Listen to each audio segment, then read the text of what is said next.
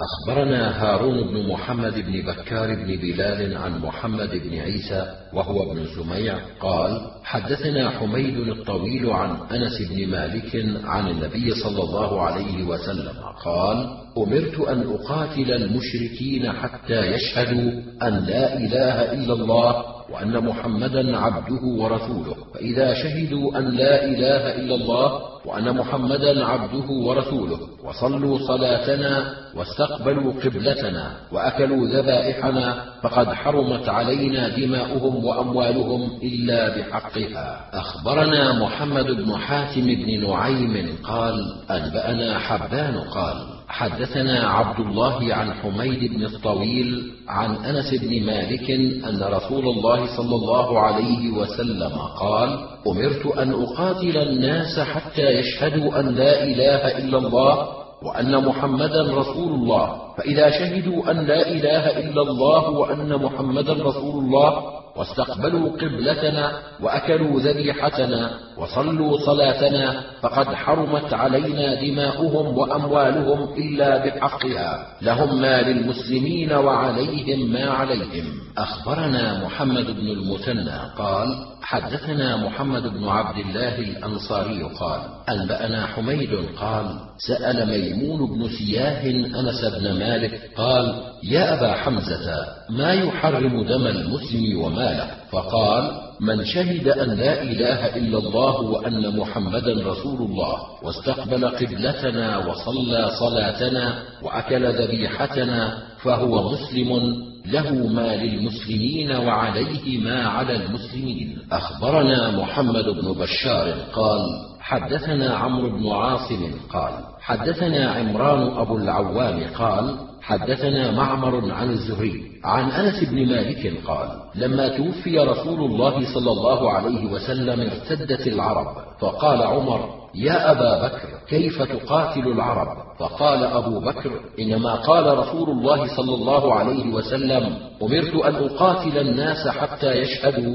أن لا إله إلا الله وأني رسول الله ويقيموا الصلاة ويؤتوا الزكاة. والله لو منعوني عناقا مما كانوا يعطون رسول الله صلى الله عليه وسلم لقاتلتهم عليه. قال عمر فلما رأيت رأي أبي بكر قد شرح علمت أنه الحق. أخبرنا قتيبة بن سعيد قال حدثنا الليث عن عقيل عن الزهري. أخبرني عبيد الله بن عبد الله بن عتبة عن أبي هريرة قال لما توفي رسول الله صلى الله عليه وسلم واستخلف أبو بكر وكفر من كفر من العرب.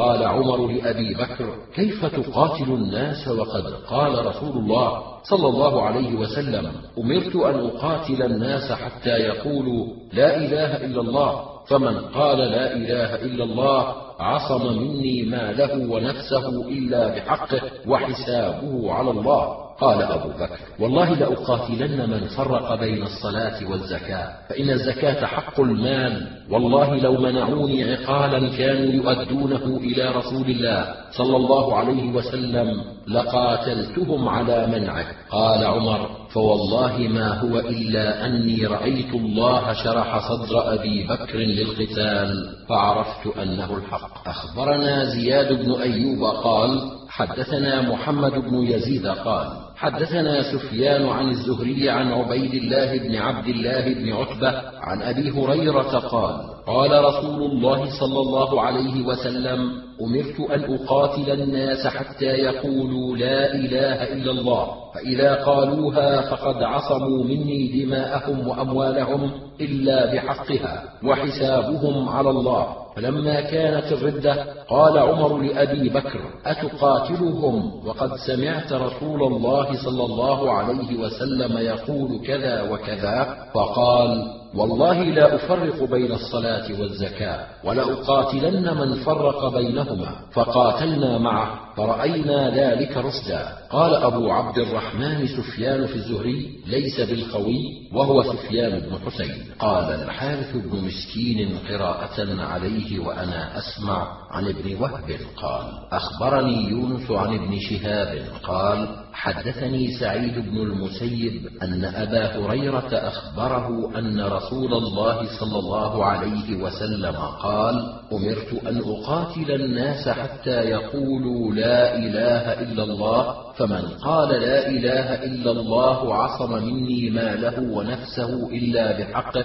وحسابه على الله عز وجل. جمع شعيب بن أبي حمزه الحديثين جميعا. أخبرنا أحمد بن محمد بن المغيرة قال حدثنا عثمان عن شعيب عن الزهري قال حدثنا عبيد الله بن عبد الله بن عتبة أن أبا هريرة قال لما توفي رسول الله صلى الله عليه وسلم وكان أبو بكر بعده وكفر من كفر من العرب. قال عمر يا أبا بكر كيف تقاتل الناس وقد قال رسول الله صلى الله عليه وسلم أمرت أن أقاتل الناس حتى يقولوا لا إله إلا الله فمن قال لا إله إلا الله فقد عصم مني ماله ونفسه إلا بحقه وحسابه على الله عز وجل. قال أبو بكر لأقاتلن من فرق بين الصلاة والزكاة فإن الزكاة حق المال. فوالله لو منعوني عناقا كانوا يؤدونها إلى رسول الله صلى الله عليه وسلم لقاتلتهم على منعها. قال عمر فوالله ما هو إلا أن رأيت الله شرح صدر أبي بكر للختال فعرفت أنه الحق. أخبرنا أحمد بن محمد بن المغيرة قال حدثنا عثمان عن شعيب عن الزهري قال حدثني سعيد بن المسيب أن أبا هريرة أخبره أن رسول الله صلى الله عليه وسلم قال أمرت أن أقاتل الناس حتى يقولوا لا إله إلا الله فمن قالها فقد عصم مني نفسه وماله إلا بحقه وحسابه على الله خالفه الوليد بن مسلم. أخبرنا أحمد بن سليمان قال حدثنا مؤمل بن الفضل قال حدثنا الوليد قال حدثني شعيب بن أبي حمزة وسفيان بن عيينة وذكر آخر عن الزهري عن سعيد بن المسيب عن أبي هريرة قال فأجمع أبو بكر لقتالهم فقال عمر يا أبا بكر كيف تقاتل الناس وقد قال رسول الله صلى الله عليه وسلم أمرت أن أقاتل الناس حتى يقولوا لا إله إلا الله فإذا قالوها عصموا مني دماءهم وأموالهم إلا بحقها. قال أبو بكر لأقاتلن من فرق بين الصلاة والزكاة. والله لو منعوني عناقا كانوا يؤدونها إلى رسول الله صلى الله عليه وسلم لقاتلتهم على منعها. قال عمر فوالله ما هو. إلا أن رأيت الله قد شرح صدر أبي بكر لقتالهم فعرفت أنه الحق. أخبرنا محمد بن عبد الله بن المبارك قال حدثنا أبو معاوية وأنبأنا محمد بن حرب قال حدثنا أبو معاوية عن الأعمش عن أبي صالح عن أبي هريرة قال قال رسول الله صلى الله عليه وسلم أمرت أن أقاتل الناس حتى يقولوا لا إله إلا الله فإذا قالوها منعوا مني دماءهم وأموالهم إلا بحقها وحسابهم على الله عز وجل. أخبرنا إسحاق بن إبراهيم قال أنبأنا يعلى بن عبيد عن الأعمش عن أبي سفيان عن جابر وعن أبي صالح عن أبي هريرة قالا قال رسول الله صلى الله عليه وسلم أمرت أن أقاتل الناس حتى يقولوا لا إله إلا الله فإذا قالوها منعوا مني دماءهم وأموالهم إلا بحقها وحسابهم على الله. أخبرنا القاسم بن زكريا بن دينار قال حدثنا عبيد الله بن موسى قال حدثنا شيبان عن عاصم عن زياد بن قيس عن أبي هريرة عن رسول الله صلى الله عليه وسلم قال نقاتل الناس حتى يقولوا لا إله إلا الله فإذا قالوا لا إله إلا الله حرمت علينا دماؤهم وأموالهم إلا بحقها وحسابهم على الله. أخبرنا محمد بن عبد الله بن المبارك قال حدثنا الأسود بن عامر قال حدثنا إسرائيل عن سماك عن النعمان بن بشير قال كنا مع النبي صلى الله عليه وسلم فجاءه رجل فساره فقال اقتلوه ثم قال أيشهد أن لا إله إلا الله؟ قال نعم ولكنما يقولها تعوذا. فقال رسول الله صلى الله عليه وسلم لا تقتلوه فإنما أمرت أن أقاتل الناس حتى يقولوا لا إله إلا الله. فإذا قالوها عصموا مني دماءهم وأموالهم إلا بحقها وحسابهم على الله. قال عبيد الله حدثنا إسرائيل عن سماك عن النعمان بن سالم عن رجل حدثه قال دخل علينا رسول الله صلى الله عليه وسلم ونحن في قبة في مسجد المدينة وقال فيه أنه أوحي إلي أن أقاتل الناس حتى يقولوا لا إله إلا الله نحوه. أخبرنا أحمد بن سليمان قال حدثنا الحسن بن محمد بن أعين قال حدثنا زهير قال حدثنا سماك عن النعمان بن سالم قال سمعت أوسا يقول دخل علينا رسول الله صلى الله عليه وسلم ونحن في قبة وساق الحديث. أخبرنا محمد بن بشار قال حدثنا محمد قال حدثنا شعبة عن النعمان بن سالم قال: سمعت أوسا يقول: أتيت رسول الله صلى الله عليه وسلم في وفد ثقيف فكنت معه في قبة فنام من كان في القبة غيري وغيره فجاء رجل فساره فقال اذهب فاقتله فقال أليس يشهد أن لا إله إلا الله وأني رسول الله؟ قال يشهد. فقال رسول الله صلى الله عليه وسلم ذره ثم قال أمرت أن أقاتل الناس حتى يقولوا لا إله إلا الله. فإذا قالوها حرمت دماؤهم وأموالهم إلا بحقها. قال محمد فقلت لشعبة أليس في الحديث أليس يشهد أن لا إله إلا الله وأني رسول الله؟ قال أظنها معها ولا أدري. أخبرني هارون بن عبد الله قال حدثنا عبد الله بن بكر قال حدثنا حاتم بن أبي صغيرة عن النعمان بن سالم أن عمرو بن أوس أخبره أن أباه أوسا قال قال رسول الله صلى الله عليه وسلم أمرت أن أقاتل الناس حتى يشهدوا أن لا إله إلا الله ثم تحرم دماؤهم وأموالهم إلا بحقها. أخبرنا محمد بن المثنى قال حدثنا صفوان بن عيسى عن ثور عن أبي عون عن أبي إدريس قال سمعت معاوية يخطب وكان قليل الحديث عن رسول الله صلى الله عليه وسلم قال سمعته يخطب يقول سمعت رسول الله صلى الله عليه وسلم يقول كل ذنب عسى الله أن يغفره إلا الرجل يقتل المؤمن متعمدا أو الرجل يموت كافرا. أخبرنا عمرو بن علي عن عبد الرحمن قال حدثنا سفيان عن الأعمش عن عبد الرحمن بن مرة عن مسروق عن عبد الله عن النبي صلى الله عليه وسلم قال لا تقتل نفس ظلما إلا كان على ابن آدم الأول كفل من دمها وذلك أنه أول من سن القتل. أخبرنا محمد بن معاوية بن مالج قال حدثنا محمد بن سلمة الحراني عن ابن إسحاق عن إبراهيم بن مهاجر عن إسماعيل مولى عبد الله بن عمرو عن عبد الله بن عمرو بن العاص قال قال رسول الله صلى الله عليه وسلم والذي نفسي بيده لقتل مؤمن أعظم عند الله من زوال الدنيا. قال أبو عبد الرحمن إبراهيم بن المهاجر ليس بالقوي أخبرنا يحيى بن حكيم البصري قال حدثنا ابن أبي عدي عن شعبة عن يعلى بن عطاء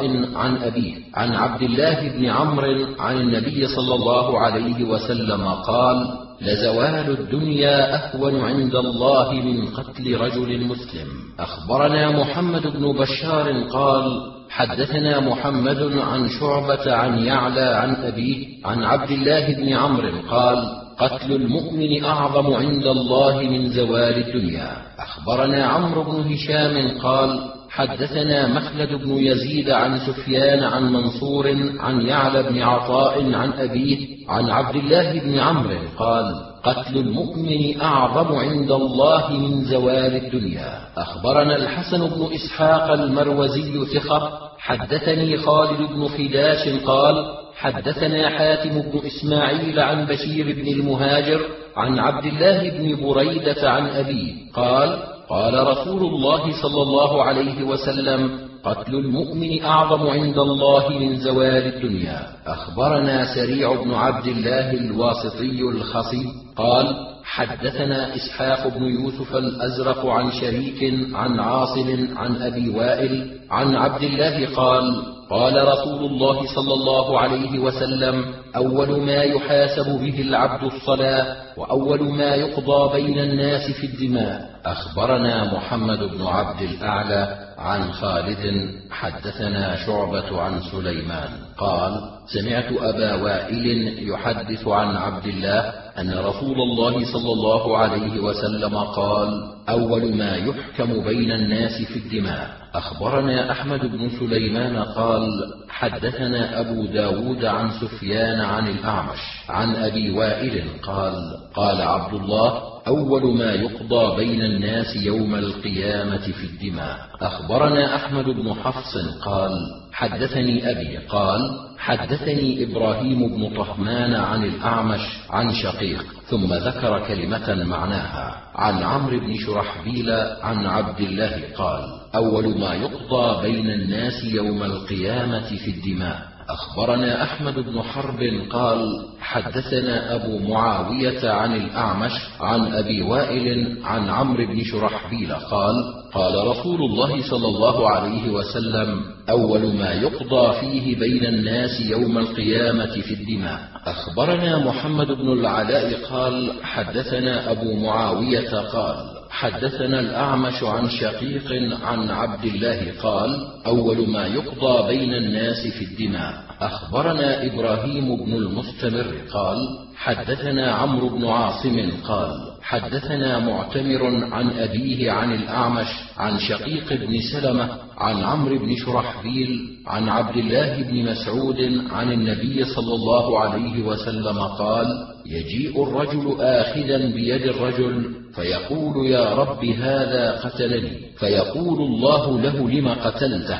فيقول قتلته لتكون العزة لك. فيقول فإنها لي ويجيء الرجل آخذا بيد الرجل فيقول إن هذا قتلني. فيقول الله له لم قتلته؟ فيقول لتكون العزة لفلان. فيقول إنها ليست لفلان فيبوء بإثمه. أخبرنا عبد الله بن محمد بن تميم قال حدثنا حجاج قال أخبرني شعبة عن أبي عمران الجوني قال قال جندب حدثني فلان أن رسول الله صلى الله عليه وسلم قال يجيء المقتول بقاتله يوم القيامة فيقول سل هذا فيم قتلني فيقول قتلته على ملك فلان. قال جندب فاتقها. أخبرنا قتيبة قال حدثنا سفيان عن عمار الدهني عن سالم بن أبي الجعد أن ابن عباس سئل عمن قتل مؤمنا متعمدا ثم تاب وآمن وعمل صالحا ثم اهتدى. فقال ابن عباس وأنى له التوبة. سمعت نبيكم صلى الله عليه وسلم يقول يجيء متعلقا بالقاتل تشفب أوداجه دما فيقول أي ربي سل هذا فيم قتلني. ثم قال والله لقد أنزلها الله ثم ما نسخها. قال وأخبرني أزهر بن جميل البصري قال حدثنا خالد بن الحارث قال حدثنا شعبة عن المغيرة بن النعمان عن سعيد بن جبير قال اختلف أهل الكوفة في هذه الآية ومن يقتل مؤمنا متعمدا. فرحلت إلى ابن عباس فسألته فقال لقد أنزلت في آخر ما أنزل ثم ما نسخها شيء. أخبرنا عمرو بن علي قال حدثنا يحيى قال حدثنا ابن جريج قال حدثني القاسم بن أبي بزة عن سعيد بن جبير قال قلت لابن عباس هل لمن قتل مؤمنا متعمدا من توبة؟ قال لا وقرأت عليه الآية التي في الفرقان والذين لا يدعون مع الله إلها آخر. ولا يقتلون النفس التي حرم الله إلا بالحق. قال هذه آية مكية نسختها آية مدنية. ومن يقتل مؤمنا متعمدا فجزاؤه جهنم. أخبرنا محمد بن المثنى قال حدثنا محمد قال حدثنا شعبة عن منصور عن سعيد بن جبير قال أمرني عبد الرحمن بن أبي ليلى أن أسأل ابن عباس عن هاتين الآيتين ومن يقتل مؤمنا متعمدا فجزاؤه جهنم. فسألته فقال لم ينسخها شيء. وعن هذه الآية والذين لا يدعون مع الله إلها آخر ولا يقتلون النفس التي حرم الله إلا بالحق. قال نزلت في أهل الشرك. أخبرنا حاجب بن سليمان المنبجي قال حدثنا ابن أبي رواد قال حدثنا ابن جريج عن عبد الأعلى الثعلبي عن سعيد بن جبير عن ابن عباس أن قوما كانوا قتلوا فأكثروا وزنوا فأكثروا وانتهكوا فأتوا النبي صلى الله عليه وسلم قالوا يا محمد إن الذي تقول وتدعو إليه لحسن لو تخبرنا أن لما عملنا كفارة. فأنزل الله عز وجل والذين لا يدعون مع الله إلها آخر إلى فأولئك يبدل الله سيئاتهم حسنات. قال يبدل الله شركهم إيمانا وزناهم إحصانا. ونزلت قل يا عبادي الذين أسرفوا على أنفسهم. الآية. أخبرنا الحسن بن محمد الزعفراني قال حدثنا حجاج بن محمد قال ابن جريج أخبرني يعلى عن سعيد بن جبير عن ابن عباس أن ناسا من أهل الشرك أتوا محمدا فقالوا إن الذي تقول وتدعو إليه لحسن لو تخبرنا أن لما عملنا كفارة فنزلت والذين لا يدعون مع الله إلها آخر ونزلت قل يا عبادي الذين أسرفوا على أنفسهم أخبرنا محمد بن رافع قال حدثنا شبابة بن سوار قال حدثني ورقاء عن عمرو عن ابن عباس عن النبي صلى الله عليه وسلم قال يجيء المقتول بالقاتل يوم القيامة ناصيته ورأسه في يده وأوداجه تشفب دما. يقول يا رب قتلني حتى يدنيه من العرش. قال فذكروا لابن عباس التوبة فتلا هذه الآية ومن يقتل مؤمنا متعمدا؟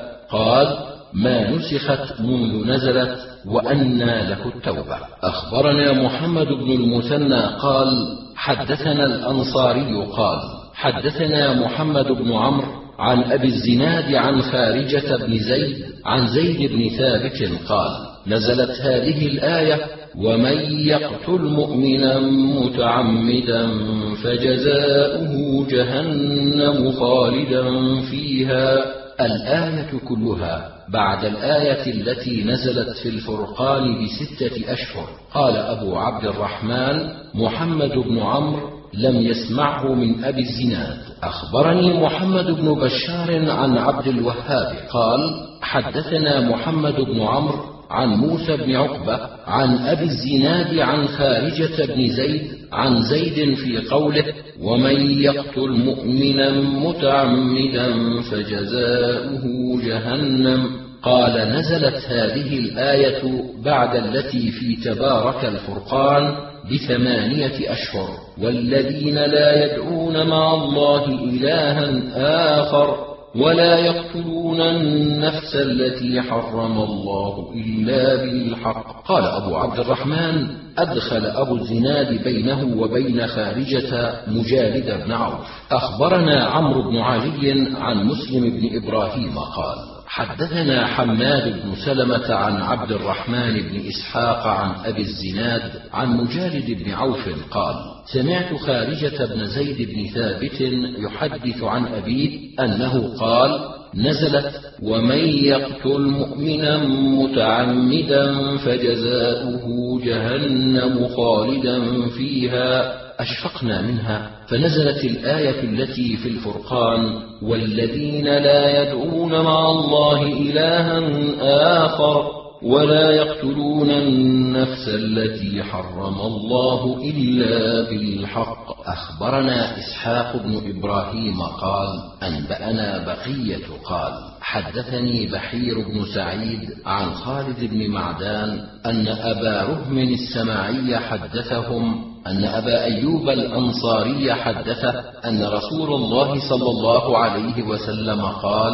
من جاء يعبد الله ولا يشرك به شيئا ويقيم الصلاة ويؤتي الزكاة ويجتنب الكبائر كان له الجنة فسألوه عن الكبائر فقال الإشراك بالله وقتل النفس المسلمة والفرار يوم الزحف. أخبرنا محمد بن عبد الأعلى قال حدثنا خالد قال حدثنا شعبة عن عبيد الله بن أبي بكر عن أنس عن النبي صلى الله عليه وسلم وأنبأنا إسحاق بن إبراهيم قال أنبأنا النصر بن شميل قال حدثنا شعبة عن عبيد الله بن أبي بكر. قال سمعت أنسا يقول قال رسول الله صلى الله عليه وسلم الكبائر الشرك بالله وعقوق الوالدين وقتل النفس وقول الزور. أخبرني عبدة بن عبد الرحيم قال أنبأنا ابن شميل قال أنبأنا شعبة قال حدثنا فراس قال سمعت الشعبي عن عبد الله بن عمرو عن النبي صلى الله عليه وسلم قال الكبائر الإشراك بالله وعقوق الوالدين وقتل النفس واليمين الغموس. أخبرنا العباس بن عبد العظيم قال حدثنا معاذ بن هانئ قال حدثنا حرب بن شداد قال حدثنا يحيى بن أبي كثير عن عبد الحميد بن سنان عن حديث عبيد بن عمير أنه حدثه أبوه وكان من أصحاب النبي صلى الله عليه وسلم أن رجلا قال يا رسول الله ما الكبائر؟ قال هن سبع أعظمهن إشراك بالله وقتل النفس بغير حق وفرار يوم الزحف. مختصر. أخبرنا محمد بن بشار قال حدثنا عبد الرحمن قال حدثنا سفيان عن واصل عن أبي وائل عن عمرو بن شرحبيل عن عبد الله قال قلت يا رسول الله أي الذنب أعظم؟ قال أن تجعل لله ندا وهو خلقك. قلت ثم ماذا؟ قال أن تقتل ولدك خشية أن يطعم معك. قلت ثم ماذا؟ قال أن تزاني بحليلة جارك حدثنا عمرو بن علي قال حدثنا يحيى قال حدثنا سفيان قال حدثني واصل عن أبي وائل عن عبد الله قال قلت يا رسول الله أي الذنب أعظم؟ قال أن تجعل لله ندا وهو خلقك قلت ثم أي؟ قال أن تقتل ولدك من أجل أن يطعم معك. قلت ثم أي؟ قال ثم أن تزاني بحليله جارك أخبرنا عبدة قال أنبأنا يزيد قال أنبأنا شعبة عن عاصم عن أبي وائل عن عبد الله قال سألت رسول الله صلى الله عليه وسلم أي الذنب أعظم؟ قال الشرك أن تجعل لله ندا وأن تزاني بحليله جارك وأن تقتل ولدك مخافة الفقر أن يأكل معك. ثم قرأ عبد الله والذين لا يدعون مع الله إلها آخر قال أبو عبد الرحمن هذا خطأ والصواب الذي قبله وحديث يزيد هذا خطأ إنما هو واصل والله تعالى أعلم. أخبرنا إسحاق بن منصور قال أنبأنا عبد الرحمن عن سفيان عن الأعمش عن عبد الله بن مرة عن مسروق عن عبد الله قال قال رسول الله صلى الله عليه وسلم والذي لا إله غيره لا يحل دم امرئ مسلم يشهد أن لا إله إلا الله وأني رسول الله إلا ثلاثة نفر التارك للإسلام مفارق الجماعة والثيب الزاني والنفس بالنفس. قال الأعمش فحدثت به إبراهيم فحدثني عن الأسود عن عائشة بمثله. أخبرنا عمرو بن علي قال حدثنا يحيى. قال حدثنا سفيان. قال حدثنا أبو إسحاق عن عمرو بن غالب. قال قالت عائشة أما علمت أن رسول الله صلى الله عليه وسلم قال لا يحل دم امرئ مسلم إلا رجل زنى بعد إحصانه أو كفر بعد إسلامه أو النفس بالنفس وقفه زهير. أخبرنا هلال بن العلاء قال قالت عائشة يا عمار أما إنك تعلم أنه لا يحل دم امرئ إلا ثلاثة النفس بالنفس أو رجل زنى بعدما أحصن؟ وساق الحديث. أخبرني إبراهيم بن يعقوب قال حدثنا محمد بن عيسى قال حدثنا حماد بن زيد قال حدثنا يحيى بن سعيد قال حدثني أبو أمامة بن سهل وعبد الله بن عامر بن ربيعة قالا كنا مع عثمان وهو محصور وكنا إذا دخلنا مدخلا نسمع كلام من بالبلاط فدخل عثمان يوما ثم خرج فقال إنهم ليتواعدوني بالقتل. قلنا يكفيكهم الله. قال فلم يقتلوني؟ سمعت رسول الله صلى الله عليه وسلم يقول لا يحل دم امرئ مسلم إلا بإحدى ثلاث. رجل كفر بعد إسلامه أو زنى بعد إحصانه. أو قتل نفسا بغير نفس فوالله ما زنيت في جاهلية ولا إسلام ولا تمنيت أن لي بديني بدلا منذ هداني الله ولا قتلت نفسا فلم يقتلونني؟ أخبرني أحمد بن يحيى الصوفي قال حدثنا أبو نعيم قال حدثنا يزيد بن مردانبة عن زياد بن علاقة عن عرفجة بن شريح الأشجعي قال رأيت النبي صلى الله عليه وسلم على المنبر يخطب الناس فقال إنه سيكون بعدي هنات وهنات فمن رأيتموه فارق الجماعة أو يريد يفرق أمر أمة محمد صلى الله عليه وسلم.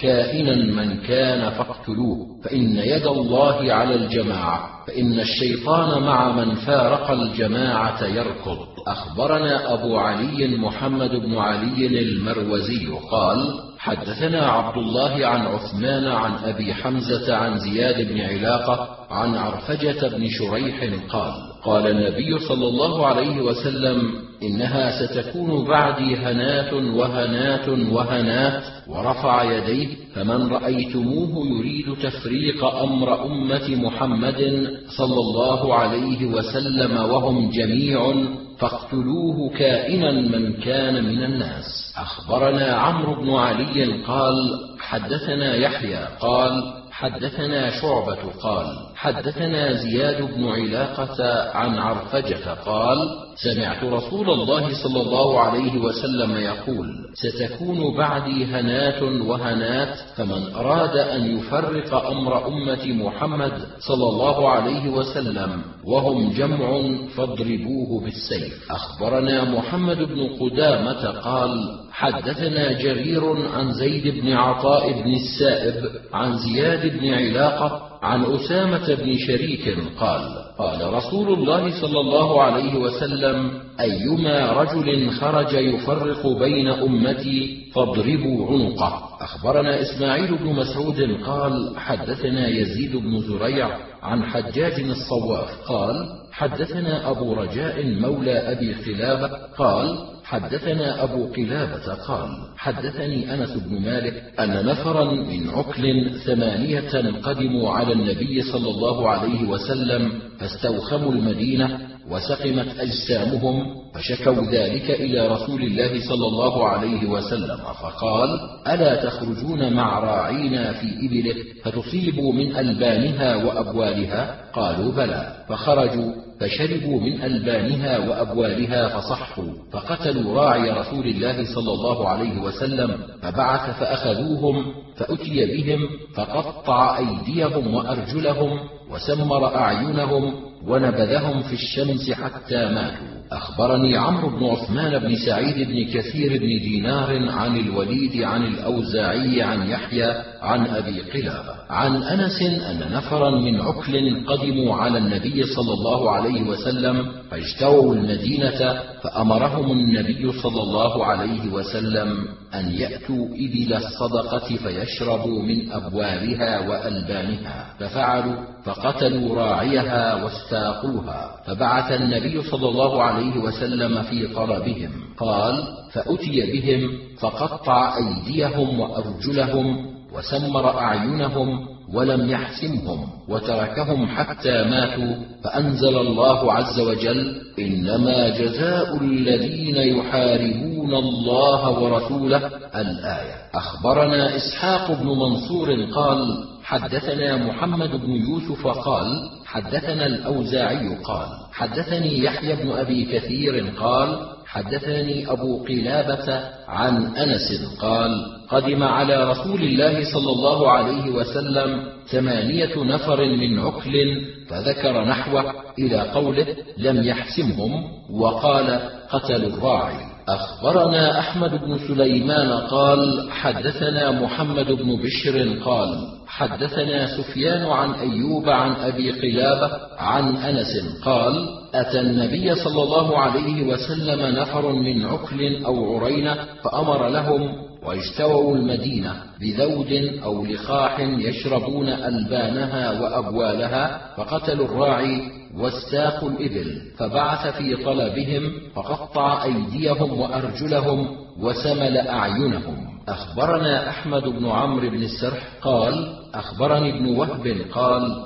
أخبرني عبد الله بن عمر وغيره عن حميد الطويل عن أنس بن مالك أن ناسا من عرينة قدموا على رسول الله صلى الله عليه وسلم فاجتووا المدينة فبعثهم النبي صلى الله عليه وسلم إلى ذود له فشربوا من ألبانها وأبوالها فلما صحوا ارتدوا عن الإسلام وقتلوا راعي رسول الله صلى الله عليه وسلم مؤمنا واستاقوا الإبل فبعث رسول الله صلى الله عليه وسلم في آثارهم فأخذوا فقطع أيديهم وأرجلهم وسمل أعينهم وصلبهم. أخبرنا علي بن حجر قال أنبأنا إسماعيل عن حميد عن أنس قال قدم على رسول الله صلى الله عليه وسلم أناس من عرينة فقال لهم رسول الله صلى الله عليه وسلم لو خرجتم إلى ذودنا فكنتم فيها فشربتم من ألبانها وأبوالها ففعلوا. فلما صحوا قاموا إلى راعي رسول الله صلى الله عليه وسلم فقتلوه ورجعوا كفارا. واستاقوا ذود النبي صلى الله عليه وسلم فأرسل في طلبهم فأتي بهم فقطع أيديهم وأرجلهم وسمل أعينهم. أخبرنا محمد بن المثنى قال حدثنا خالد قال حدثنا حميد عن أنس قال قدم ناس من عرينة على رسول الله صلى الله عليه وسلم فاجتووا المدينة فقال لهم النبي صلى الله عليه وسلم لو خرجتم إلى ذودنا فشربتم من ألبانها. قال وقال قتادة وأبوالها فخرجوا إلى ذود رسول الله صلى الله عليه وسلم فلما صحوا كفروا بعد إسلامهم وقتلوا راعي رسول الله صلى الله عليه وسلم مؤمنا واستاقوا ذود رسول الله صلى الله عليه وسلم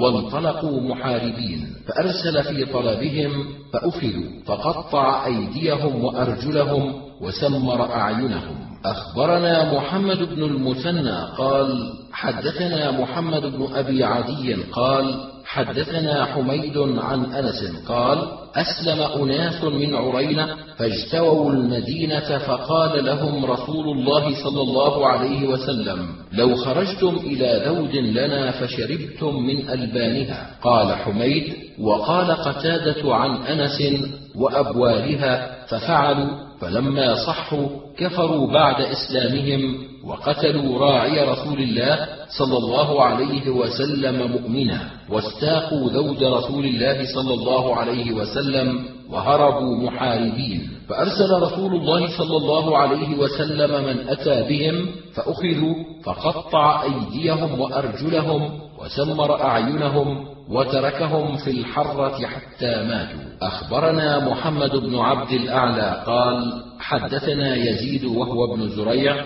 قال حدثنا شعبة قال حدثنا قتادة أن أنس بن مالك حدثهم أن ناسا أو رجالا من عكل أو عرينة قدموا على رسول الله صلى الله عليه وسلم فقالوا يا رسول الله إنا أهل ضرع ولم نكن أهل ريف فاستوخموا المدينة فأمر لهم رسول الله صلى الله عليه وسلم بذود وراع وأمرهم أن يخرجوا فيها فيشربوا من لبنها وأبوالها. فلما صحوا وكانوا بناحية الحرة كفروا بعد إسلامهم وقتلوا راعي رسول الله صلى الله عليه وسلم واستاقوا الذود. فبعث الطلب في آثارهم فأتي بهم فسمر أعينهم وقطع أيديهم وأرجلهم ثم تركهم في الحرة على حالهم حتى ماتوا. أخبرنا محمد بن المثنى عن عبد الأعلى نحوه. أخبرنا محمد بن نافع أبو بكر قال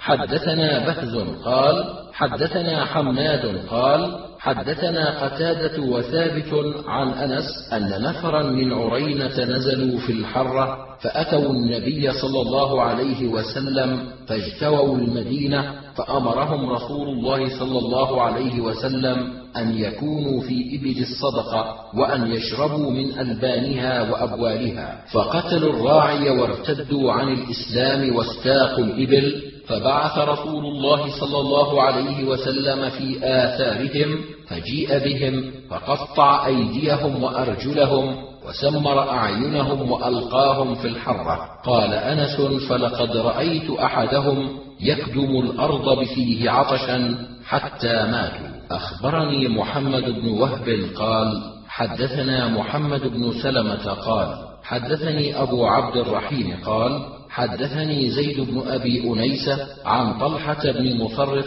عن يحيى بن سعيد عن أنس بن مالك قال قدم أعراب من عرينة إلى نبي الله صلى الله عليه وسلم فأسلموا فاجتووا المدينة حتى اصفرت ألوانهم وعظمت بطونهم فبعث بهم نبي الله صلى الله عليه وسلم إلى لقاح له فأمرهم أن يشربوا من ألبانها وأبوالها حتى صحوا فقتلوا رعاتها واستاقوا الإبل. فبعث نبي الله صلى الله عليه وسلم في طلبهم فأتي بهم فقطع أيديهم وأرجلهم وسمر أعينهم. قال أمير المؤمنين عبد الملك لأنس وهو يحدثه هذا الحديث بكفر أو بذنب. قال بكفر. أخبرنا أحمد بن عمرو بن السرح قال أنبأنا ابن وهب قال وأخبرني يحيى بن أيوب ومعاوية بن صالح عن يحيى بن سعيد عن سعيد بن المسيب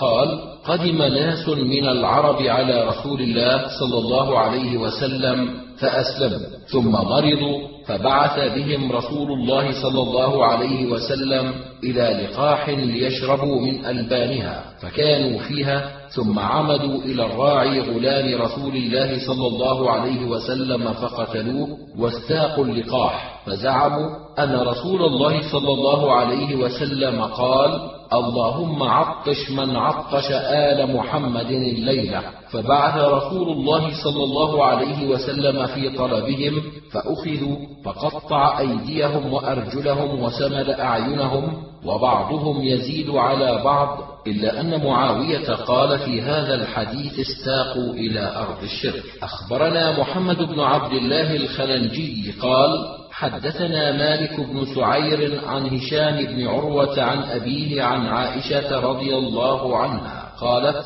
أغار قوم على لقاح رسول الله صلى الله عليه وسلم فأخذهم فقطع أيديهم وأرجلهم وسمل أعينهم. أخبرنا محمد بن المثنى عن إبراهيم بن أبي الوزير قال حدثنا عبد العزيز وأنبأنا محمد بن بشار قال حدثنا إبراهيم بن أبي الوزير قال حدثنا الدراوردي عن هشام بن عروة عن أبيه عن عائشة أن قوما أغاروا على لقاح رسول الله صلى الله عليه وسلم فأتي بهم النبي صلى الله عليه وسلم فقطع النبي صلى الله عليه وسلم أيديهم وأرجلهم وسمل أعينهم اللفظ لابن المثنى. أخبرنا عيسى بن حماد قال أنبأنا الليث عن هشام عن أبيه أن قوما أغاروا على إبل رسول الله صلى الله عليه وسلم فقطع أيديهم وأرجلهم وسمل أعينهم. أخبرنا أحمد بن عمرو بن السرح قال أنبأنا ابن وهب قال وأخبرني يحيى بن عبد الله بن سالم وسعيد بن عبد الرحمن وذكر آخر عن هشام بن عروة عن عروة بن الزبير أنه قال أغار ناس من عرينة على لقاح رسول الله صلى الله عليه وسلم واستاقوها وقتلوا غلاما له فبعث رسول الله صلى الله عليه وسلم في آثارهم فأخذوا فقطع أيديهم وأرجلهم وسمل أعينهم. أخبرنا أحمد بن عمرو بن السرح قال أخبرني ابن وهب قال أخبرني عمرو بن الحارث عن سعيد بن أبي هلال عن أبي الزناد عن عبد الله بن عبيد الله عن عبد الله بن عمر عن رسول الله صلى الله عليه وسلم ونزلت فيهم آية المحاربة. أخبرنا أحمد بن عمرو بن السرح قال أنبأنا ابن وهب قال أخبرني الليث عن ابن عجلان عن أبي الزناد أن رسول الله صلى الله عليه وسلم لما قطع الذين سرقوا لقاحة وسمل أعينهم بالنار عاتبه الله في ذلك فأنزل الله تعالى إنما جزاء الذين يحاربون الله ورسوله الآية كلها. أخبرنا الفضل بن سهل الأعرج قال حدثنا يحيى بن غيلان ثقة مأمون. قال حدثنا يزيد بن زريع عن سليمان التيمي عن أنس. قال إنما سمل النبي صلى الله عليه وسلم أعين أولئك لأنهم سملوا أعين الرعاة. أخبرنا أحمد بن عمرو بن السرح والحارث بن مسكين قراءة عليه وأنا أسمع.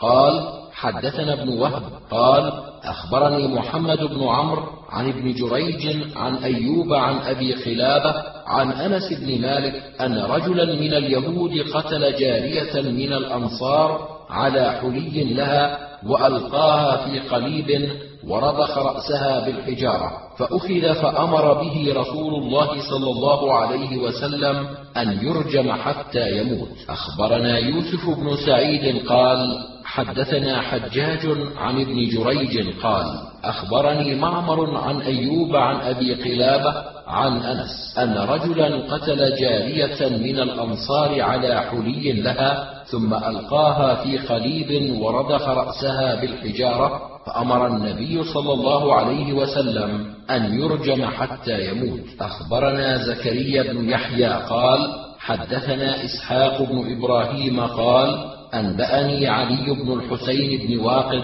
قال حدثني أبي قال حدثنا يزيد النحوي عن عكرمة عن ابن عباس في قوله تعالى إنما جزاء الذين يحاربون الله ورسوله الآية. قال نزلت هذه الآية في المشركين فمن تاب منهم قبل أن يقدر عليه لم يكن عليه سبيل وليست هذه الآية للرجل المسلم فمن قتل وأفسد في الأرض وحارب الله ورسوله ثم لحق بالكفار قبل أن يقدر عليه لم يمنعه ذلك أن يقام فيه الحد الذي أصاب. أخبرنا محمد بن المثنى قال حدثنا عبد الصمد قال حدثنا هشام عن قتادة عن أنس قال كان رسول الله صلى الله عليه وسلم يحث في خطبته على الصدقة وينهى عن المثلى أخبرنا العباس بن محمد الدوري قال حدثنا أبو عامر العقدي عن إبراهيم بن طهمان عن عبد العزيز بن رفيع عن عبيد بن عمير عن عائشة أن رسول الله صلى الله عليه وسلم قال لا يحل دم امرئ مسلم إلا بإحدى ثلاث خصال زان محصن يرجم أو رجل قتل رجلا متعمدا فيقتل أو رجل يخرج من الإسلام يحارب الله عز وجل ورسوله فيقتل أو يصلب أو ينفى من الأرض. أخبرنا محمود بن غيلان قال حدثنا أبو داود قال أنبأنا شعبة عن منصور عن الشعبي عن جرير قال قال رسول الله صلى الله عليه وسلم إذا أبق العبد لم تقبل له صلاة حتى يرجع إلى مواليه. أخبرنا محمد بن قدامة عن جرير عن مغيرة عن الشعبي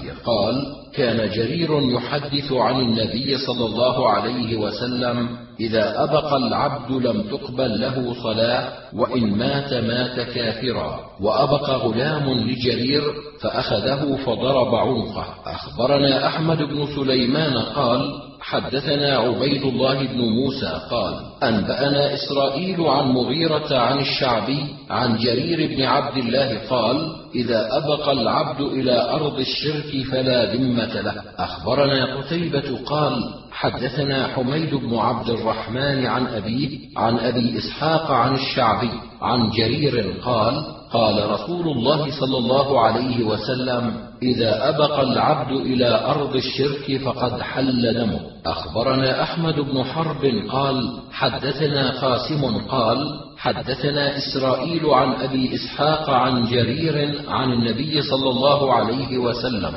قال إذا أبق العبد إلى أرض الشرك فقد حل دمه. أخبرنا الربيع بن سليمان قال حدثنا خالد عن عبد الرحمن عن أبي إسحاق عن الشعبي عن جرير قال أيما عبد أبق إلى أرض الشرك فقد حل دمه. أخبرنا صفوان بن عمرو قال حدثنا أحمد بن خالد قال حدثنا إسرائيل عن أبي إسحاق عن الشعبي عن جرير قال أيما عبد أبق إلى أرض الشرك فقد حل دمه. أخبرنا علي بن حجر قال حدثنا شريك عن أبي إسحاق عن عامر عن جرير قال أيما عبد ابق من مواليه ولحق بالعدو فقد أحل بنفسه. أخبرنا أبو الأزهر أحمد بن الأزهر النيسابوري قال حدثنا إسحاق بن سليمان الرازي قال أنبأنا المغيرة بن مسلم عن مطر الوراق عن نافع عن ابن عمر أن عثمان قال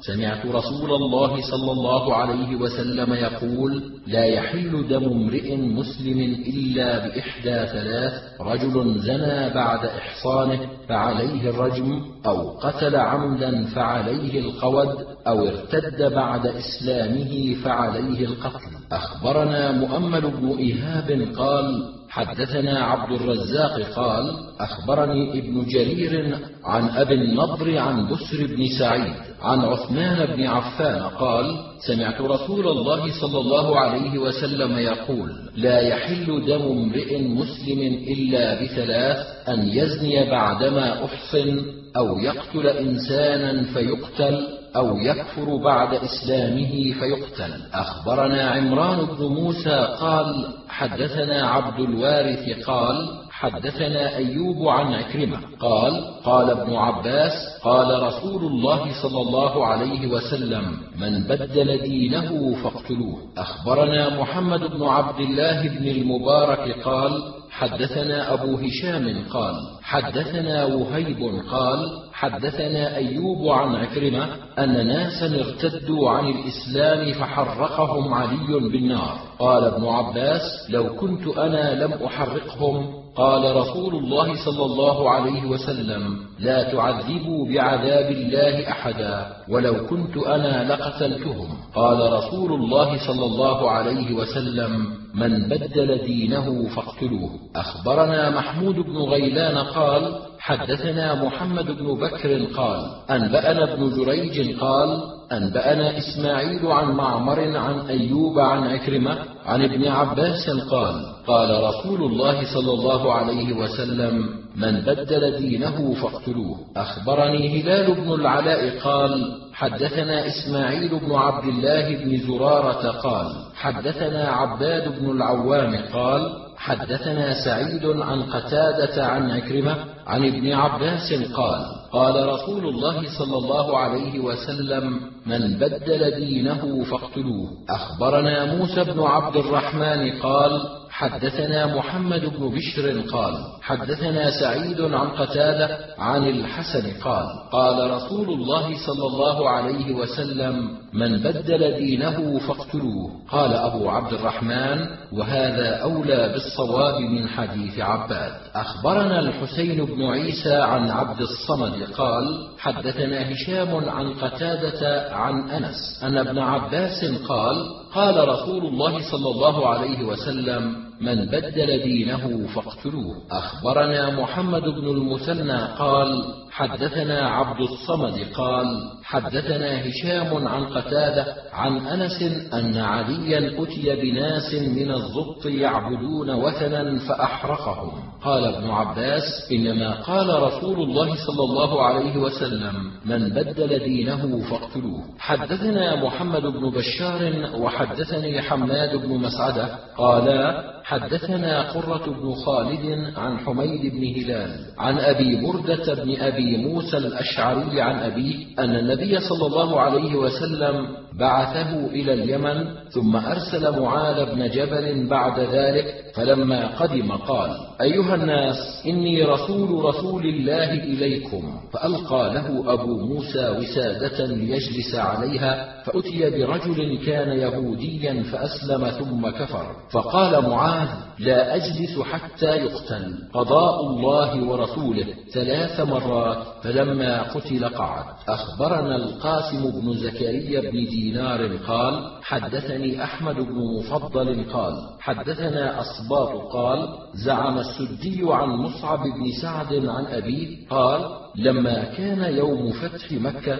أمن رسول الله صلى الله عليه وسلم الناس إلا أربعة نفر وامرأتين وقال اقتلوهم وإن وجدتموهم متعلقين بأستار الكعبة عكرمة بن أبي جهل وعبد الله بن خطل ومقيس بن صبابة وعبد الله بن سعد بن أبي السرح فأما عبد الله بن خطل فأدرك وهو متعلق بأستار الكعبة فاستبق إليه سعيد بن حريث وعمار بن ياسر فسبق سعيد عمارا وكان أشب الرجلين فقتله. وأما مقيس بن صبابة فأدركه الناس في السوق فقتلوه وأما عكرمة فركب البحر فأصابتهم عاصف فقال أصحاب السفينة أخلصوا فإن آلهتكم لا تغني عنكم شيئا ها هنا. فقال عكرمة والله لئن لم ينجني من البحر إلا الإخلاص لا ينجيني في البر غيره. اللهم إن لك علي عهدا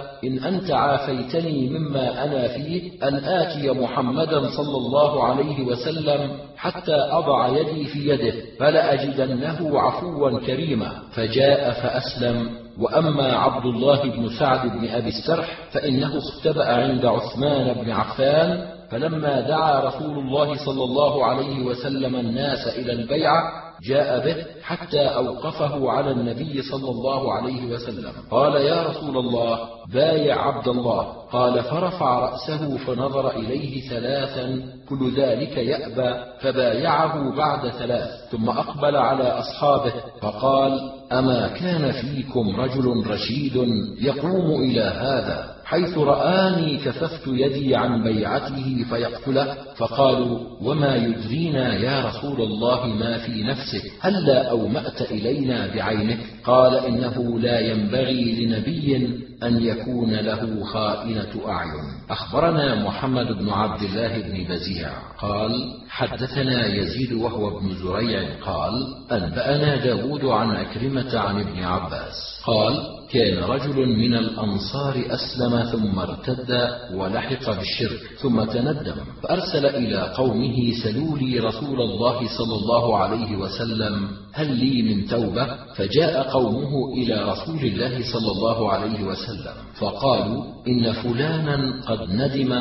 وإنه أمرنا أن نسألك هل له من توبة؟ فنزلت كيف يهدي الله قوما كفروا بعد إيمانهم إلى قوله غفور رحيم. فأرسل إليه فأسلم. أخبرنا زكريا بن يحيى قال حدثنا إسحاق بن إبراهيم قال أنبأنا علي بن الحسين بن واقد قال أخبرني أبي عن يزيد النحوي عن عكرمة عن ابن عباس قال في سورة النحل من كفر بالله من بعد إيمانه إلا من أكره إلى قوله لهم عذاب عظيم. فنسخ واستثنى من ذلك فقال ثم إن ربك للذين هاجروا من بعد ما فتنوا ثم جاهدوا وصبروا إن ربك من بعدها لغفور رحيم. وهو عبد الله بن سعد بن أبي سرح الذي كان على مصر كان يكتب لرسول الله صلى الله عليه وسلم فأزله الشيطان فلحق بالكفار فأمر به أن يقتل يوم الفتح فاستجار له عثمان بن عفان فأجاره رسول الله صلى الله عليه وسلم. أخبرنا عثمان بن عبد الله قال حدثنا عباد بن موسى قال حدثنا إسماعيل بن جعفر قال حدثني إسرائيل عن عثمان الشحام قال كنت أقود رجلا أعمى فانتهيت إلى عكرمة فأنشأ يحدثنا قال حدثني ابن عباس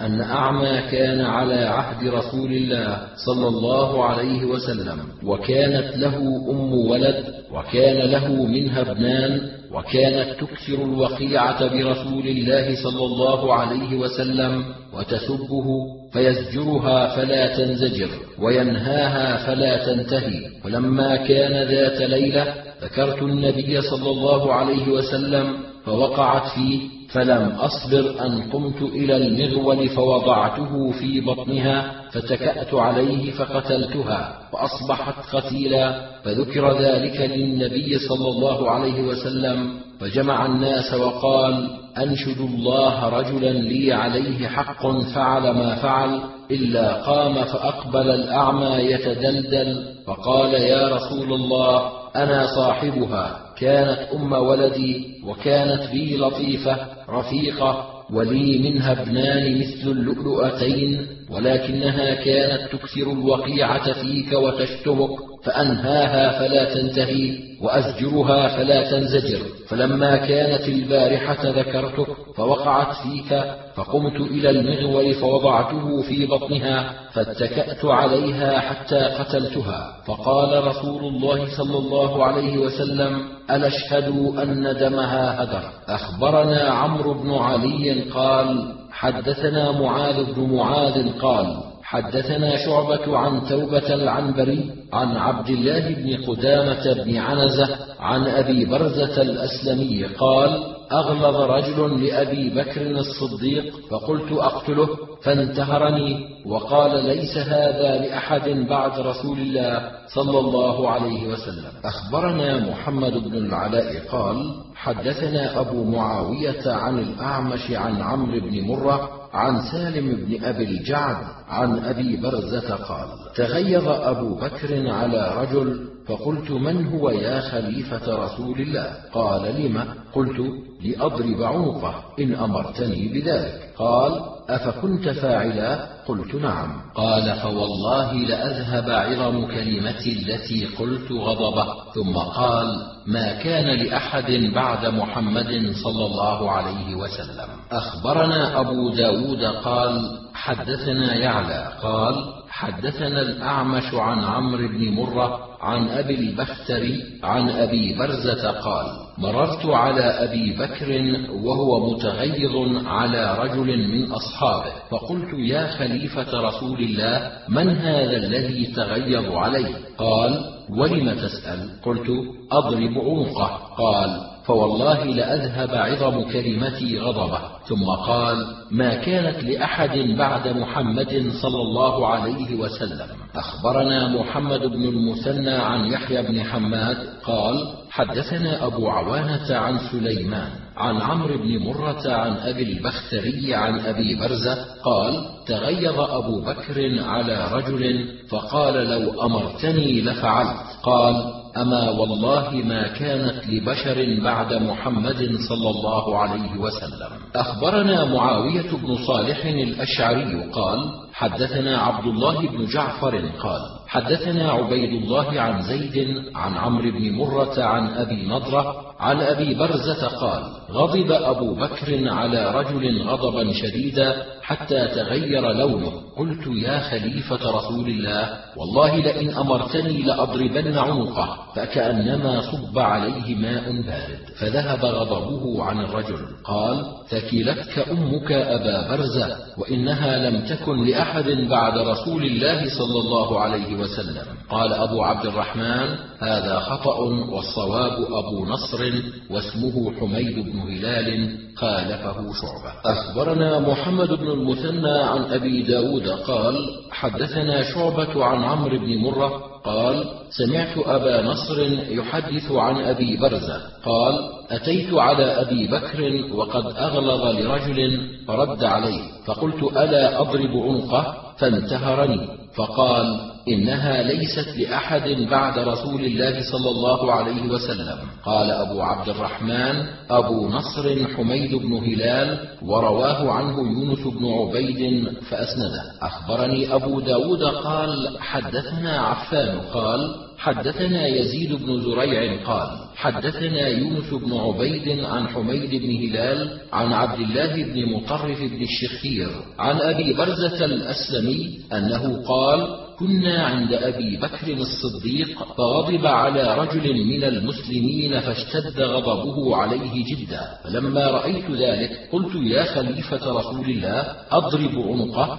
فلما ذكرت القتل أضرب عن ذلك الحديث. أجمع إلى غير ذلك من النحو. فلما تفرقنا أرسل إلي فقال يا أبا برزة ما قلت؟ ونسيت الذي قلت. قلت ذكرني. قال أما تذكر ما قلت؟ قلت لا والله. قال أرأيت حين رأيتني غضبت على رجل فقلت أضرب عنقه يا خليفة رسول الله أما تذكر ذلك؟ أو كنت فاعلا ذلك؟ قلت نعم والله. والآن إن أمرتني فعلت. قال والله ما هي لأحد بعد محمد صلى الله عليه وسلم. قال أبو عبد الرحمن هذا الحديث أحسن الأحاديث وأجودها والله تعالى أعلم. أخبرنا محمد بن العلاء عن ابن إدريس قال أنبأنا شعبة عن عمرو بن مرة عن عبد الله بن سلمة عن صفوان بن عسار قال قال يهودي لصاحبه اذهب بنا إلى هذا النبي. قال له صاحبه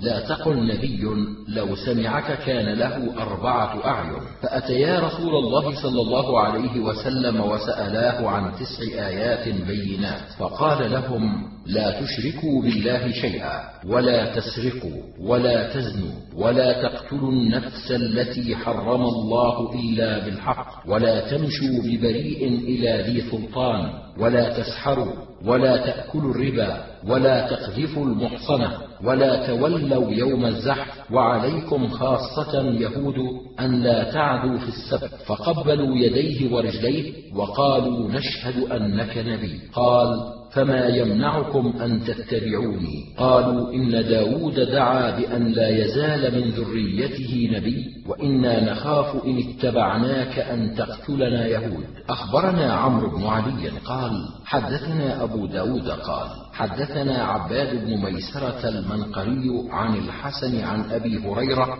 قال قال رسول الله صلى الله عليه وسلم من عقد عقدة ثم نفث فيها فقد سحر ومن سحر فقد أشرك ومن تعلق شيئا وكل إليه. أخبرنا هناد بن السري عن أبي معاوية عن الأعمش عن ابن حيان يعني يزيد عن زيد بن أرقم قال سحر النبي صلى الله عليه وسلم رجل من اليهود فاشتكى لذلك أياما فأتاه جبريل عليه السلام فقال إن رجلا من اليهود سحرك عقد لك عقدا في بئر كذا وكذا فأرسل رسول الله صلى الله عليه وسلم فاستخرجوها فجيء بها فقام رسول الله صلى الله عليه وسلم كأنما نشط من عقال فما ذكر ذلك لذلك اليهود ولا رآه في وجهه قط. أخبرنا هناد بن السري في حديثه عن أبي الأحوص عن سماك عن قابوس عن أبيه قال جاء رجل إلى رسول الله صلى الله عليه وسلم وأخبرني علي بن محمد بن علي قال حدثنا خلف بن تميم قال حدثنا أبو الأحوص قال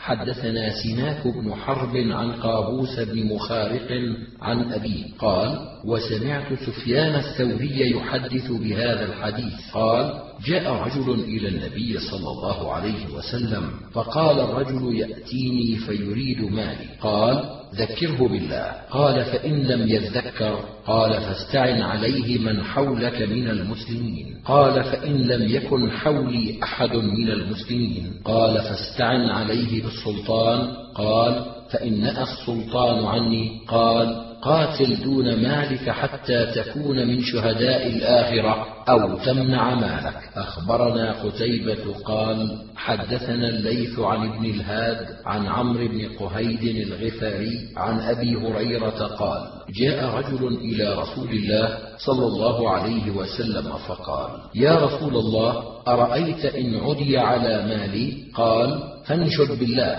قال فإن أبوا علي؟ قال فانشد بالله. قال فإن أبوا علي. قال فانشد بالله. قال فإن أبوا علي. قال فقاتل فإن قتلت ففي الجنة وإن قتلت ففي النار. أخبرنا محمد بن عبد الله بن عبد الحكم عن شعيب بن الليث قال أنبأنا الليث عن ابن الهاد عن قهيد بن مطرف الغفاري عن أبي هريرة أن رجلا جاء إلى رسول الله صلى الله عليه وسلم فقال يا رسول الله أرأيت إن عدي على مالي؟ قال فانشد بالله. قال فإن أبوا علي قال فانشد بالله. قال فإن أبوا علي قال فانشد بالله. قال فإن أبوا علي قال فقاتل فإن قتلت ففي الجنة وإن قتلت ففي النار. أخبرنا محمد بن عبد الأعلى قال حدثنا خالد قال حدثنا حاتم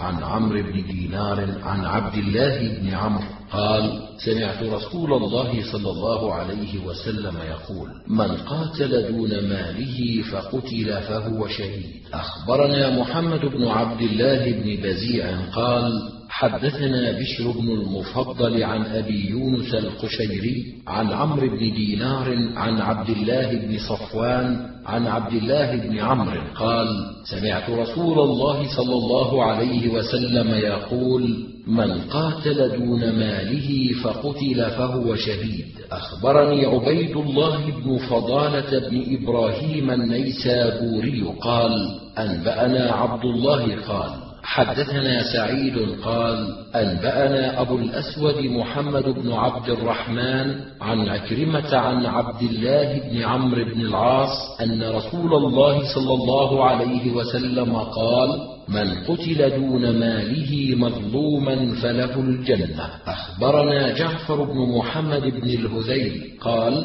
حدثنا عاصم بن يوسف قال حدثنا سعير بن الخنس عن عبد الله بن الحسن عن أكرمة عن عبد الله بن عمرو قال قال رسول الله صلى الله عليه وسلم من قتل دون ماله فهو شهيد. أخبرنا عمرو بن علي قال حدثنا يحيى بن سعيد قال حدثنا سفيان قال حدثني عبد الله بن حسن عن إبراهيم بن محمد بن طلحة أنه سمع عبد الله بن عمرو يحدث عن النبي صلى الله عليه وسلم قال من أريد ماله بغير حق فقاتل فقتل فهو شهيد هذا خطأ. والصواب حديث سعير بن الخمس. أخبرنا أحمد بن سليمان قال حدثنا معاوية بن هشام قال حدثنا سفيان عن عبد الله بن الحسن عن محمد بن إبراهيم بن طلحة عن عبد الله بن عمرو قال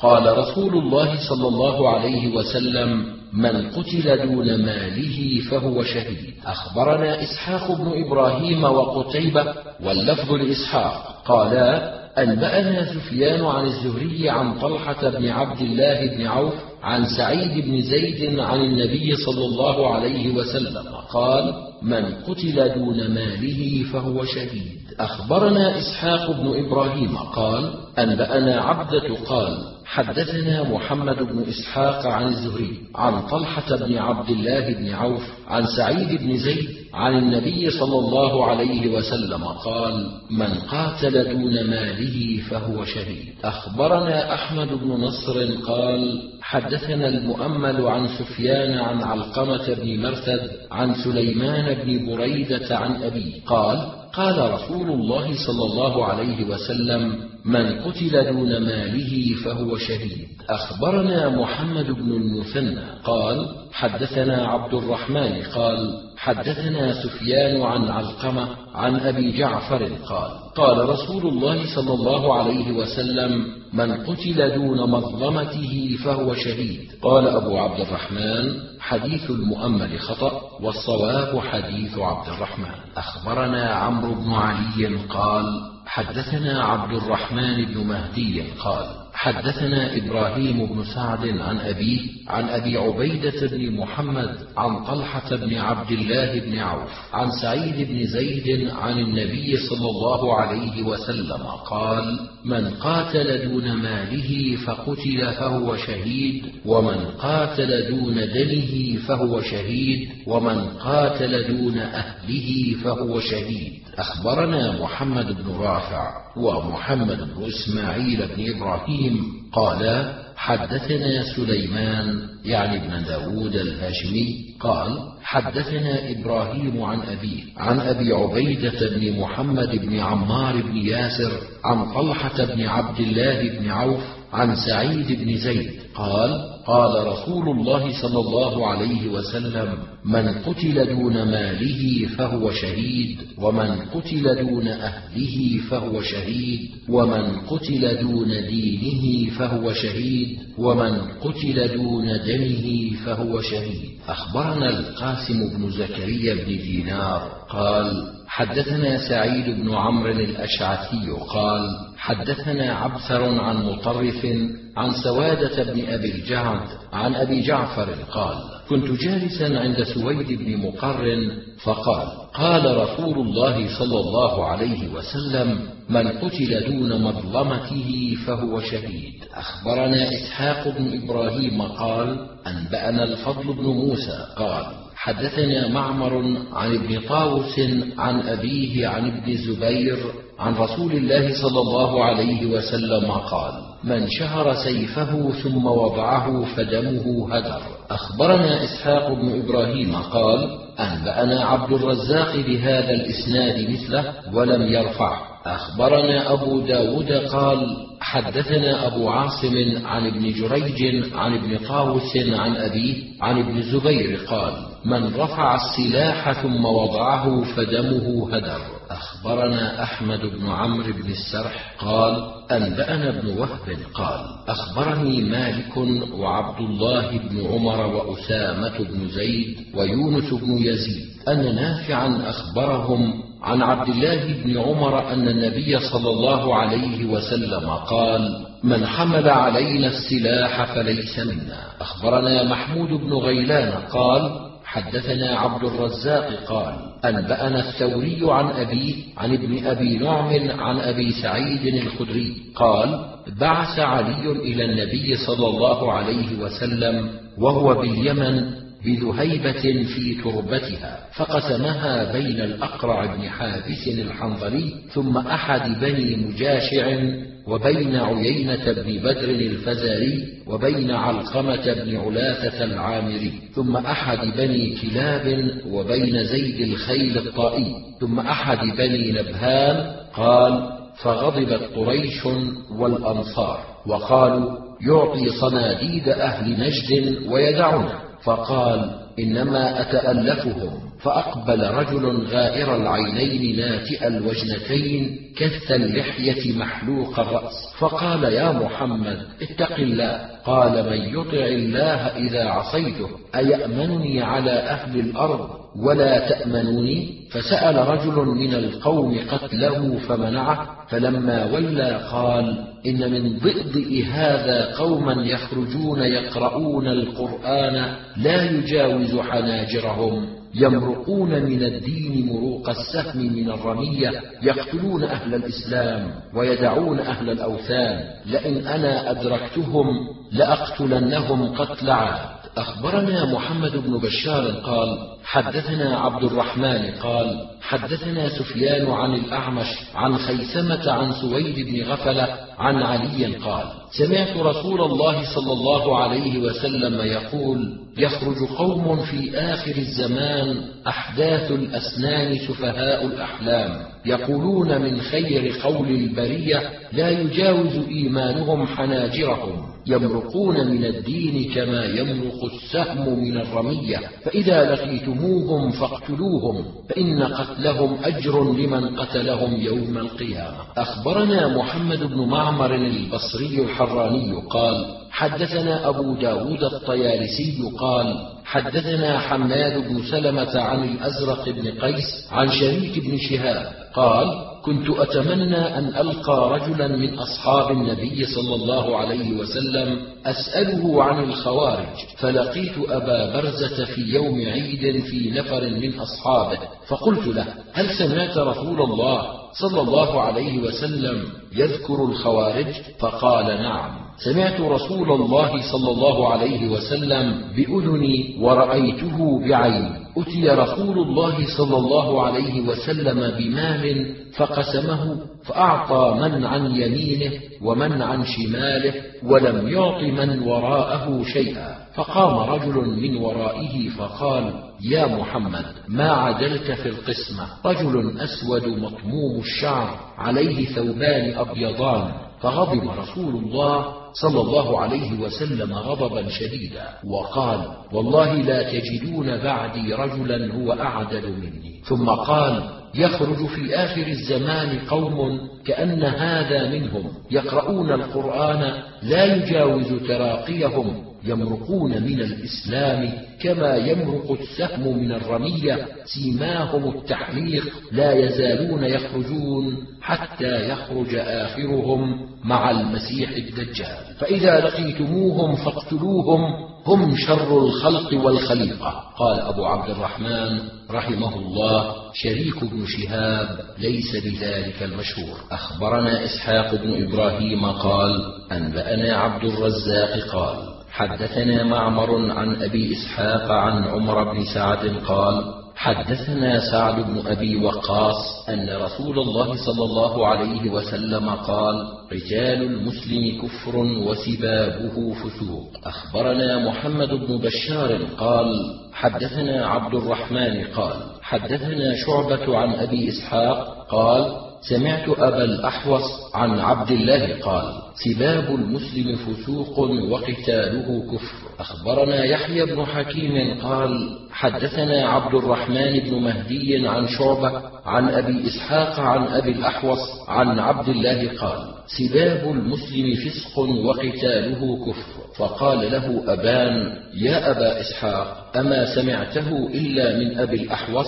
قال بل سمعته من الأسود وهبيرة. أخبرنا أحمد بن حرب قال حدثنا سفيان بن عيينة عن أبي الزعراء عن عمه أبي الأحوص عن عبد الله قال سباب المسلم فسوق وقتاله كفر. أخبرنا محمود بن غيلان قال حدثنا وهب بن جرير قال حدثنا أبي قال سمعت عبد الملك بن عمير يحدثه عن عبد الرحمن بن عبد الله عن أبيه أن رسول الله صلى الله عليه وسلم قال سباب المسلم فسوق وقتاله كفر. أخبرنا محمود بن غيلان قال حدثنا أبو داود قال حدثنا شعبة قال قلت لحماد سمعت منصورا وسليمان وزبيدا يحدثون عن أبي وائل عن عبد الله أن رسول الله صلى الله عليه وسلم قال سباب المسلم فسوق وختاله كفر. من تتهم؟ أتتهم منصورا؟ أتتهم زبيدا؟ أتتهم سليمان؟ قال لا ولكني أتهم أبا وائل. أخبرنا محمود بن غيلان قال حدثنا وكيع قال حدثنا سفيان عن زبيد عن أبي وائل عن عبد الله قال قال رسول الله صلى الله عليه وسلم سباب المسلم فسوق وقتاله كفر. قلت لأبي وائل سمعته من عبد الله؟ قال نعم. أخبرنا محمود بن غيلان قال حدثنا معاوية قال حدثنا سفيان عن منصور عن أبي وائل عن عبد الله قال قال رسول الله صلى الله عليه وسلم سباب المسلم فسوق وقتاله كفر. أخبرنا قتيبة بن سعيد قال حدثنا جرير عن منصور عن أبي وائل قال قال عبد الله سباب المسلم فسوق وقتاله كفر. أخبرنا محمد بن العلاء عن أبي معاوية عن الأعمش عن شقيق. عن عبد الله قال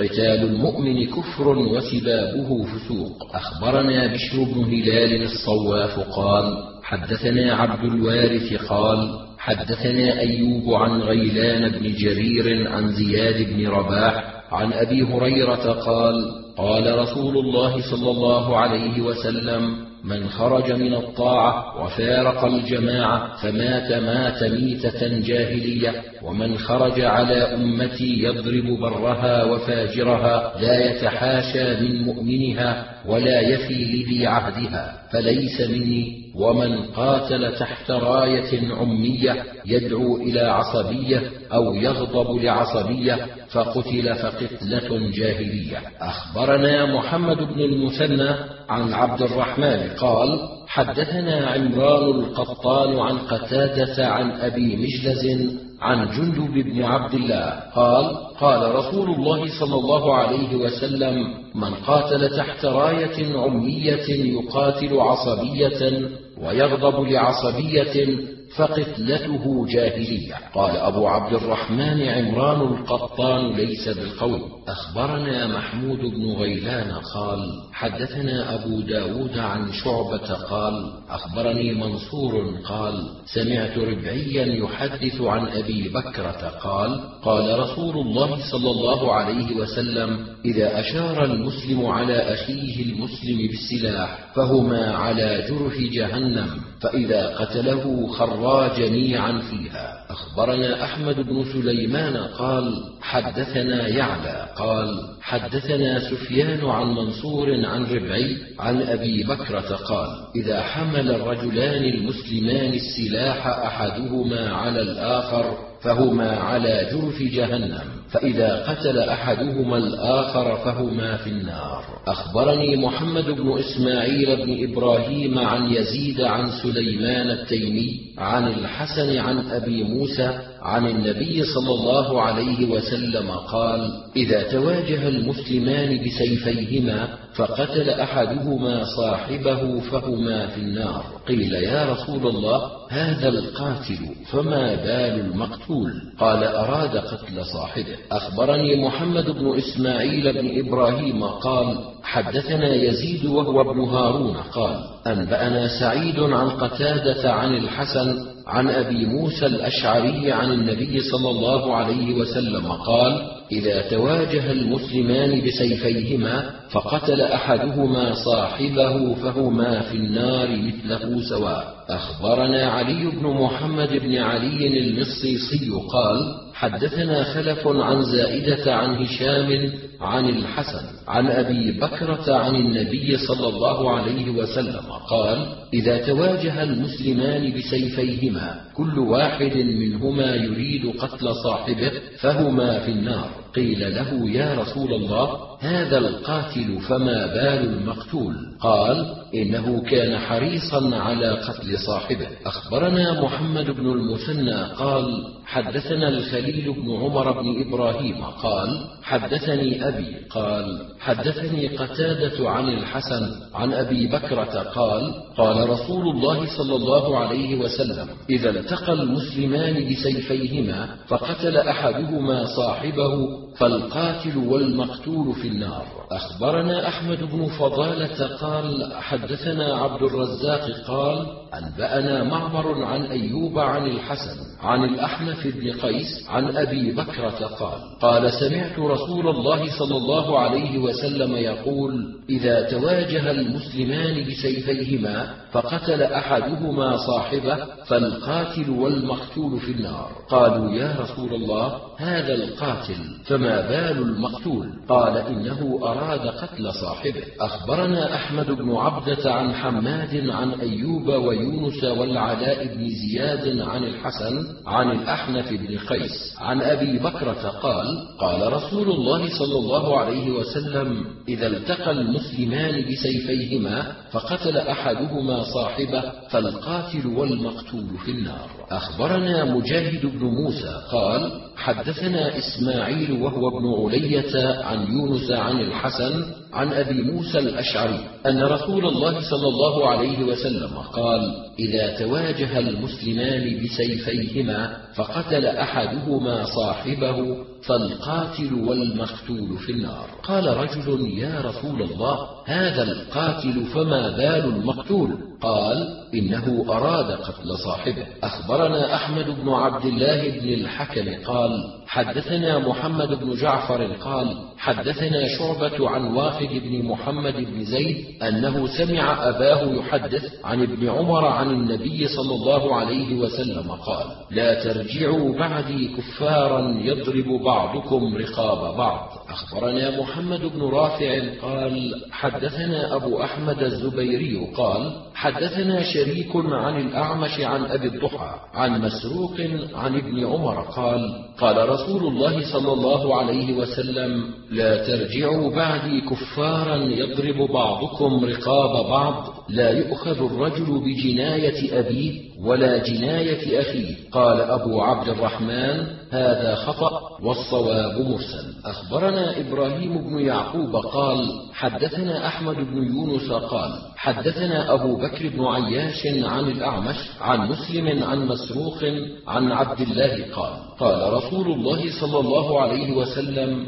لا ترجعوا بعدي كفارا يضرب بعضكم رقاب بعض. ولا يؤخذ الرجل بجريرة أبيه ولا بجريرة أخيه. أخبرنا محمد بن العلاء قال حدثنا أبو معاوية عن الأعمش عن مسلم عن مسروق قال قال رسول الله صلى الله عليه وسلم لا ألفينكم ترجعون بعدي كفارا يضرب بعضكم رقاب بعض. لا يؤخذ الرجل بجريرة أبيه ولا بجريرة أخيه. هذا الصواب. أخبرني إبراهيم بن يعقوب قال حدثنا يعلى قال حدثنا الأعمش عن أبي الضحى عن مسروق قال قال رسول الله صلى الله عليه وسلم لا ترجعوا بعدي كفارا. مرسل. أخبرنا عمرو بن زرارة قال أنبأنا إسماعيل عن أيوب عن محمد بن سيرين عن أبي بكرة عن النبي صلى الله عليه وسلم قال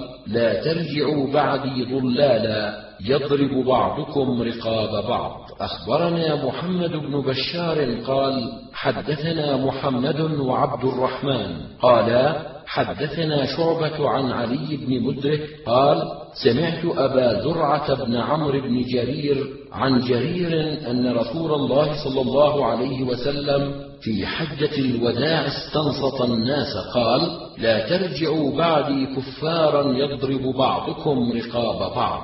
أخبرنا أبو عبيدة بن أبي السفر قال: حدثنا عبد الله بن نمير قال: حدثنا إسماعيل عن قيس قال: بلغني أن جرير بن عبد الله قال قال لي رسول الله صلى الله عليه وسلم استنصت الناس ثم قال لا ألفينكم بعدما أرى ترجعون بعدي كفارا يضرب بعضكم رقاب بعض.